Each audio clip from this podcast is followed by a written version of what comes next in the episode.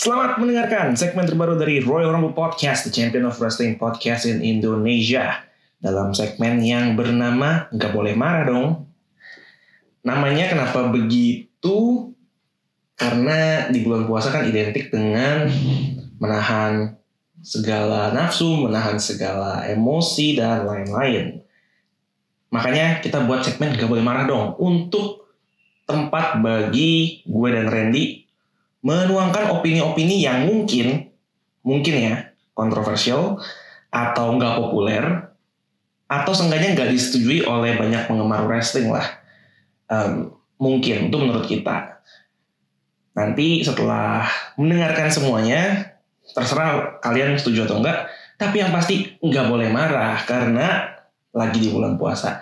Mudah-mudahan segmen ini bisa menemani either ngabuburit kalian atau juga hari-hari kalian selama pula bulan puasa ini jadi lebih sedikit menyenangkan karena ada konten terbaru dari Royal Rumble Podcast yang akan naik hanya selama bulan puasa aja nih.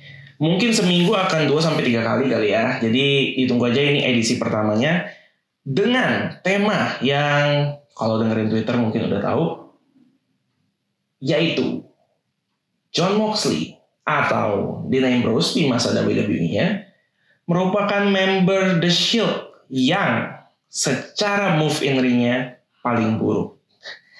Ini kemarin menuangkan pro dan kontra sih di Twitter.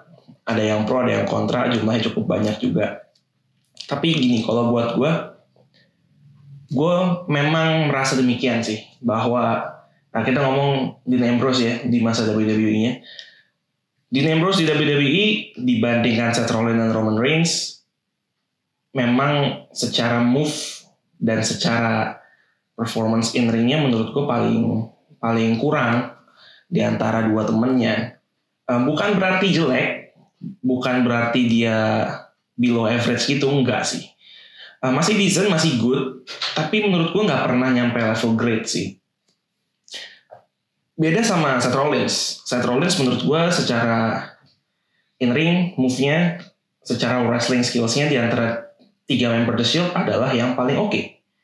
Uh, kemudian di bawahnya ada Roman Reigns dan kemudian uh, Dean Ambrose. Mungkin pertanyaannya adalah kenapa tidak di atas Roman Reigns?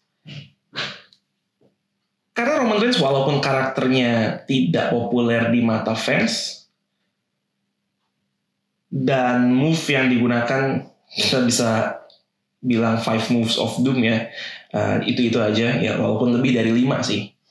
Tapi Roman melakukannya dengan dengan baik. Melakukannya dengan level yang cukup tinggi. Uh, Superman punch um, spear spearnya not bad lah. Dan juga selling sellingnya sementara Dean Ambrose di masanya ada beberapa move yang menurut gue memang tidak dieksekusi dengan sedemikian oke okay aja sih. Walaupun secara movesetnya menurut gue memang lebih baik dibanding Roman Reigns gitu ya. Tapi eksekusinya yang put me off kadang-kadang, sometimes. Gue pernah nonton, gue lupa di mana, tapi matchnya Ambrose. Swinging neck breakernya Ambrose adalah salah satu swinging neck breaker terburuk yang pernah gue lihat sih. Um, untuk ukuran gerakan yang punya setup beberapa step gitu ya. Um, setiap langkahnya nggak dieksekusi dengan baik. Ketika dia memutar leher musuhnya pun kelihatan kayak cuma di tap doang, nggak nggak benar-benar ada kontak yang cukup cukup besar di situ. Dan kemudian di neck breaker biasa aja. Jadi menurut gue itu bisa gue bilang weak ass mungkin. Kemudian Dirty Deeds juga sebagai finisher gue nggak terlalu menggemari ya sebenarnya. Walaupun namanya keren gitu. Um, ya gitu aja. Suicide Dive-nya juga menurut gue masih di level yang ya average lah rata-rata gitu dibandingkan uh, Suicide Dive-nya Akira Tozawa katakanlah masih masih lebih baik Akira Tozawa. Dan masih banyak yang lain contohnya. Jadi menurut gue Dean Ambrose secara wrestling skills-nya, um, secara move paling buruk di antara member Shield. Tapi what makes Ambrose uh, Ambrose di mana penggemar soft fond of him during masanya di WWE adalah karakternya, worknya, promonya itu menurut gue di level yang tinggi. Bahkan menurut gue ya di antara member The Shield the best talker itu Ambrose. Ada alasan kenapa yang sering dikasih mikrofon waktu itu adalah Ambrose dan dia digadang-gadang sebagai leader The Shield kan walaupun tidak pernah secara official dikatakan bahwa leader The Shield adalah Dean Ambrose. Tapi correct me if I'm wrong ya so gue nggak pernah. Dan ketika mereka pisah jalan sendiri-sendiri pun menurut gue itu membawa Ambrose ke level talker yang berbeda lagi sih. Dia bisa menjadi karakternya yang seorang lunatic itu juga karakter yang cukup menarik ya dibandingkan Roman Reigns yang plain demikian aja uh, karakternya Ambrose tuh cukup compelling lah. Bisa dibandingkan sama Seth Rollins yang sebagai Bretty Hill waktu itu. Dan sebagai sebuah package gue menaruh Dean Ambrose di nomor 2 sebenarnya uh, ketimbang Roman Reigns ya. Nomor satu masih Seth Rollins. Tapi itu adalah eranya The Shield.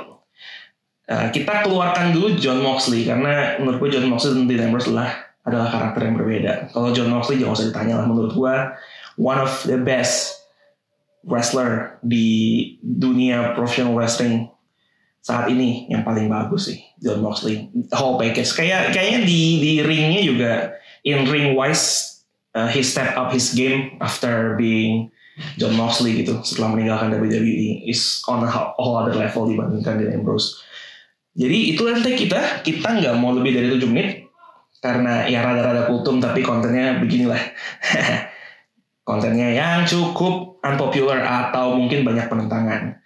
Jadi mau setuju atau nggak setuju terserah kalian. Tapi yang jelas kalau nggak setuju ya nggak boleh marah dong